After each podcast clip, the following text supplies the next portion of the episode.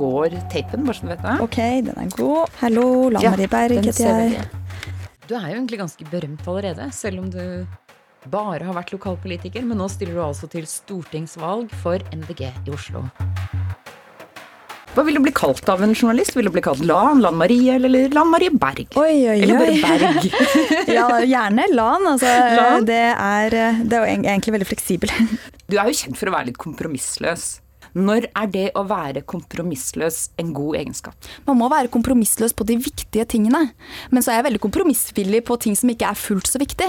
Men det som vi vet med klima- og miljøsaken, er at sannsynligvis har det vært slik at politikere over de siste 30 årene i Norge har vært for kompromissvillige på klima- og miljøsaken. Og det er det som har gjort at vi ikke har klart å kutte utslipp, mens landene rundt oss har kuttet utslipp med 30-40% Og det er jo noe av det som vi nå må ta igjen da, de neste 8,5 årene, når verden skal ha kutta 50 av klimagassutslippene innen 2030. Og det er en formidabel oppgave, og Norge er nå langt på etterskudd. Eh, Vi må berøre en annen krise som noen, eller noen har kalt en krise i det siste. Det var det eh, mistilliten mot byrådet. Eh, Jeg har studert bilder fra den dagen. Og da Raymond Johansen han, se her, Skal vi se på bildet av Raymond her. Han ser helt grå han, Veldig alvorlig. Ser veldig grå ut i ansiktet. Han syns ikke dette er noe gøy. Og så ser jeg på de bildene av deg, og så har jeg nesten aldri sett deg smile bredere. Nå, nå smiler du oftere enn Raymond Hansen. men hvorfor var du så fornøyd den dagen? Nei, jeg var jo ikke så veldig fornøyd den dagen, men jeg tror at den virkelige krisen her er jo at man har utredet ny vannforsyning til Oslo siden 1968, men man har ikke tatt tak i det og ønsket å gjennomføre det. Og jeg er veldig Men hvorfor smilte du så mye da, hvis du ikke var fornøyd? Nei, men altså, jeg tror jo også på mange måter så tror jeg at eh, man ikke skal trekke for store konklusjoner rundt akkurat de to bildene som du viste der. Eh, men, Det er flere. men det viktige er jo at eh, byrådet sto sammen og sa ifra om at vi ikke mente at det var grunnlag for det mistillitsforslaget, og at eh, bystyret også vedtok en økt kostnadsramme for å få ny vannforsyning til Oslo, fordi det er helt avgjørende skal vi sikre beredskapen i byen. Men var det en seier for deg at uh, Raymond Johansen var villig til å stille kabinettspørsmål? Jeg tror ikke at det på noen måte opplevdes som en seier at det ble stilt mistillit, uh, mistillitsspørsmål i bystyret. Men at vi sto sammen tror jeg var viktig for hele prosjektet, og vil gjøre at prosjektet også vil stå eh, trygt også framover. Men du så det ikke på det som en alvorlig situasjon? jo, men altså, nå tok du jo fram to bilder, da, men det finnes jo ganske mange bilder hvor jeg også forteller hvor alvorlig situasjonen var. Mm. Uh, sånn at jeg syns jo at hele måte, debatten blir litt satt på spissen, og ikke noe som jeg, jeg er var- veldig enig i. Ja. Nei, det var bare en veldig sånn uh, kontrast, da. Eh, tidligere så har du sagt at eh, Raymond Johansen eh, ikke ba deg om å trekke deg.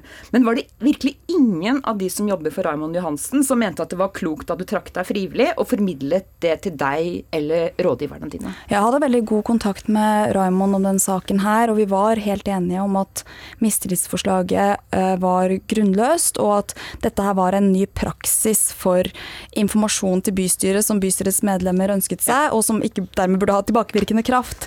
Sånn at jeg er jo veldig jeg synes Men det var ingen som mente at det var klokt at de gjorde det, da, av Raymond sine folk?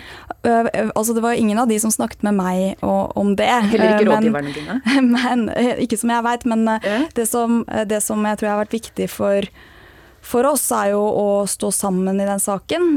Og det tror jeg òg var viktig å få vist at vi ikke lar oss herse med av Frp og Rødt. Ja, kanskje jeg kan ta den en gang til. på Ja. nytt igjen. Ja. Var det virkelig ingen som eh, Var det ingen som heller oppfordret rådgiverne dine til at du burde trekke deg? Nei, altså ikke som jeg veit, men her er det jo eh, mange eh, eh, Det var mange viktige ting som var viktige for oss å få sagt i den saken. Og det var bl.a. at vi mente at informasjonsplikten ikke var brutt. Hvor begeistra er du for politisk debatt? Liker du å debattere med andre? Er det noe du nyter? Nei, altså jeg er jo ikke eh, hadde aldri drømt om å bli politiker, eh, så det har vært noe jeg har måttet venne meg til. Eh, men har du venta til det. Kanskje litt, men eh, jeg tror aldri at jeg vil være en sånn person som syns at det er det mest naturlige i hele verden, å gå inn i en sånn politisk debatt. Og mye er jo sånn skuespill, hvor du da i den ene debatten må late som du er kjempesur på en person, for at du er veldig politisk uenig, men så skal du på en måte gå ut i en annen debatt, og så skal du har på en måte et annet humør. Så det er jo en del av det politiske på en måte eh, som, som jeg syns er veldig uvant. Men eh, Men liker du å bli motsagt, da? Um, jeg er Ja, altså å bli motsagt, det går, det går, fint, men jeg er veldig uvant med å Eller jeg var veldig uvant da jeg kom inn i politikken med å være i sånne tøffe politiske debatter. Eh, og eh, fordi at jeg egentlig er litt konfliktsky og litt sjenert. Konfliktsky og sjenert politiker, det er ikke dagligdags, altså. Og jeg leste også at du anser deg selv som en introvert person. Ja, jeg er, er, absolutt introvert. Og det som er forskjellen på introvert og ekstroverte mennesker, er jo at introverte mennesker de, blir jo, de trenger å hente energi når de er aleine, ja. mens ekstroverte mennesker de får masse energi av å være sammen med folk. Uh, og jeg trenger absolutt å hente energi når jeg er aleine, men de men de siste men er du glad i folk? Ja, ja, ja, Så de siste årene så har jeg på en måte utvikla den ekstroverte muskelen. Uh, og syns nå at det er veldig deilig å faktisk være sammen med folk og får energi av situasjoner sånn som denne, da, hvor vi kan prate sammen og diskutere i et radioprogram f.eks. Ja. ja. Men det, du vekker også mye sånn sterke følelser hos folk, på godt og vondt. Du har en stor tilhengerskare, og du har mange motstandere. Men i hvilken grad klarer du å nyte det og liksom skape engasjement på begge sider? jo, altså det er jo ikke noe som jeg noensinne tenkte at uh, En situasjon jeg noensinne tenkte det skulle være i. Uh, og jeg tror at veldig, for veldig mange så er klimasaken det uh, er den viktigste politiske saken i, i, vår tid. Og veldig mange unge er veldig um, redde for de endringene som nå kommer. ja, men det var ikke det. Liker du å skape følelser og engasjement? Det at liksom, du er med på å lage Bruduljer? Nei, det har jeg aldri tenkt på. Nei? Jeg har aldri vært en sånn person. Eh, jeg var jo den da jeg var liten, så pleide jeg, moren min å si at jeg pleide å sette meg i et hjørne. Hvis jeg kom i en ny sosial situasjon, så pleide jeg å sitte og følge med litt, og så se hvordan de andre oppførte seg. Og så kunne jeg på en måte kaste meg inn da når jeg følte meg trygg. Så for meg så er det en veldig uvant situasjon å være i, og det var kanskje noe av det som var mest rart med å komme inn i politikken på den måten jeg gjorde. At jeg ble kjent nærmest over natta, men også veldig kontroversiell nærmest over natta. Og det er absolutt ikke noe som faller meg veldig naturlig, eller som jeg hadde drømt om at jeg, en situasjon jeg hadde drømt om at jeg skulle komme i. Jeg har hørt at du ikke ser nødvendigvis på deg selv som en politiker. Anser du deg først og fremst som en klimaaktivist? Eller en politiker?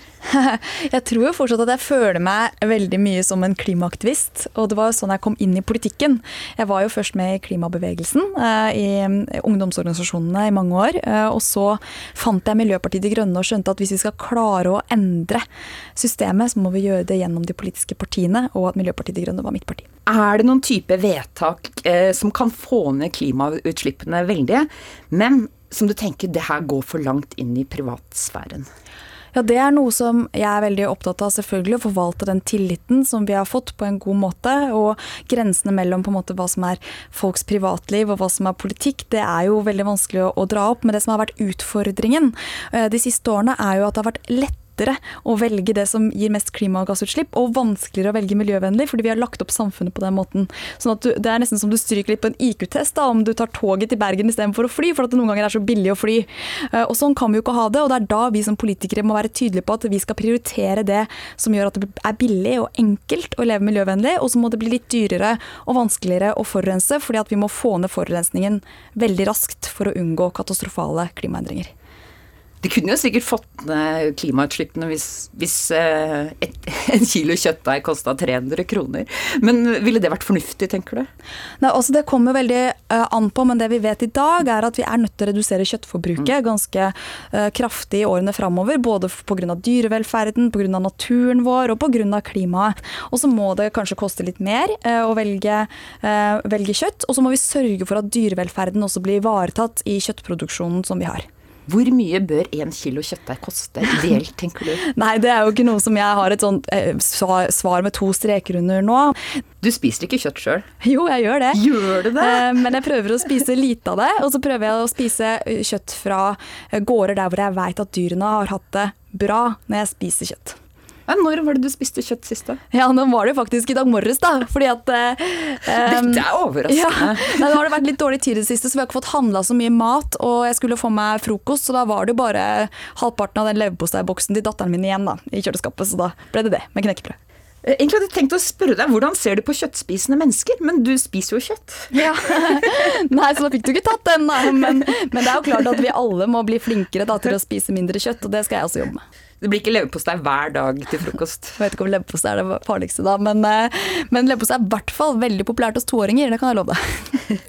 Men i hvert fall, som byråd for samferdsel i Oslo, ganske stor eh, stilling, ehm, så har du hatt eh, egentlig ansvar for mange menneskers trivsel. Hvordan passer det din personlighet, det liksom å ha mulighet til å være med å påvirke menneskers liv og trivsel? Ja, ja, Det som har vært så fint de siste seks årene som byråd for miljø og samferdsel, er jo nettopp å vise fram hvordan byen vår blir bedre når den blir grønnere.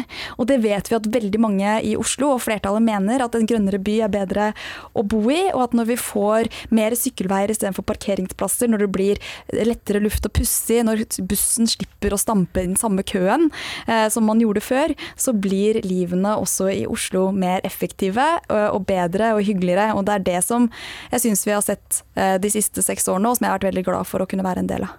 Men det at kanskje noen, en og annen, får kanskje dårligere trivsel, og en yrkessjåfør f.eks. Hvordan reflekterer du over at kanskje noen får, også får dårligere trivsel pga. din politikk? Ja, jeg har jo Jeg syns jo at det kan eh, det, Endring kan være veldig vanskelig. For det er nettopp at man må endre seg fra en vane man hadde, til en ny vane. Eller finne en ny parkeringsplass enn, en det man brukte før, eller uh, andre ting. Men som f.eks. yrkessjåfører, da. De får jo også bedre hvis mange av de som kan velge en annen transportform, gjør det. Og de slipper å stampe i den samme køen på vei til jobb. Men eh, når du er på Stortinget, er det noe du tenker er viktig å, å kjempe for? At det skal bli dyrere flyreiser? Ja, og er det ikke rart at når vi har vært gjennom ett år med korona, der hvor man har hatt voldsomme restriksjoner på folks liv fordi vi skal håndtere denne veldig viktige helsekrisen, men klimakrisen er jo mye, mye verre og mye mer ekstrem. Men jeg syns det er et ganske talende at politikerne eh, på Stortinget i dag, de tar ikke klimakrisen like alvorlig som de tok koronakrisen. For der blir det jo oppstandelse, bare det skal være ti kroner dyrere å fly, eller hva det skal være. Eh, og da blir det på en måte oppstandelse. mens eh, mens når vi snakker om uh, hvordan vi har håndtert koronakrisen, så har vi jo innført de strengeste tiltakene i fredstid i Norge. Eh, når det gjelder, La oss snakke om en annen sånn energisak. Da. Det gjelder ACER, eller ACER som noen kaller det også.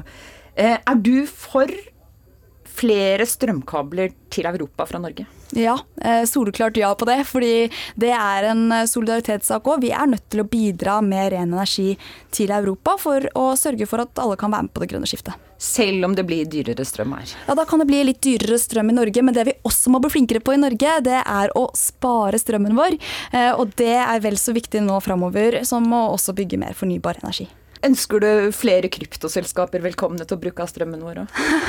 ja, det blir jo Er det mange hypotetiske spørsmål? Nei, det er masse kryptovaluta men, som utvinnes i Norge. Er det, er det, greit at det er med å fordyre strømmen? Nei, altså vi er jo nødt til å sørge for hvordan vi kan spare strøm på en best mulig måte, og bruke den strømmen vi har på en mest mulig hensiktsmessig måte. Da er det ikke sikkert kryptovaluta er det mest hensiktsmessige, men eh, det, er veldig mange, det er veldig mange land i Europa som vi vet trenger fornybar energi, og da må vi også bidra med det. Hva blir den viktigste saken å jobbe med for deg de neste fire årene på Stortinget? Nei, Det blir jo oljepolitikken. Eh, fordi Norge er fortsatt et oljeproduserende land. Men nå sier til og med oljebransjens analysebyrå at vi ikke har plass til eh, mer utvinning og flere felt dersom vi skal klare 1,5-gradersmålet. Og at alle nye investeringer som vi gjør i, i, Norge og andre land, de kan vi ende opp med å tape milliarder av kroner på. Så nå må vi sørge for velferden til framtida og slutte med olje og gass. Er du for høyere skatt? Høyere skatter for de som har mye, men eh, lavere hva, skatt Hva vil du si å ha mye? men lavere skatter for de som har lite. Så det er det som vi, eh, som vi, trenger også når vi skal gjennomføre et grønt skifte. Som vi vil gjøre at noen avgifter på eh, ting som forurenser vil bli dyrere. Så må vi sørge for at det også blir rettferdig ved at de som har eh, mye må skatte mer, og de som har lite må skatte mindre. Jeg stiller et litt halvpersonlig spørsmål. Du har en mann som også er veldig samfunnsengasjert, og han er på Twitter døgnet rundt, ser det ut som. Når er det dere to snakker om trivielle ting? ja, det blir imellom at han er på Twitter og jeg er på jobb en gang, eh, som, er, eh, som eh, ikke er så ofte. Men, men, nå har jeg til og med ikke klart å logge inn på Twitter-kontoen min på en stund, så jeg vet ikke hva han driver med. Og han har også en jobb for all del, men vi drar ofte på tur i skogen etter leggetid, og da får vi litt tid å prate. Og da prater dere ikke bare politikk? Nei. Lan Marie Berg, eh, første kandidat for MDG i stortingsvalget. Tusen takk for at du kom hit til NRK. Tusen takk for meg.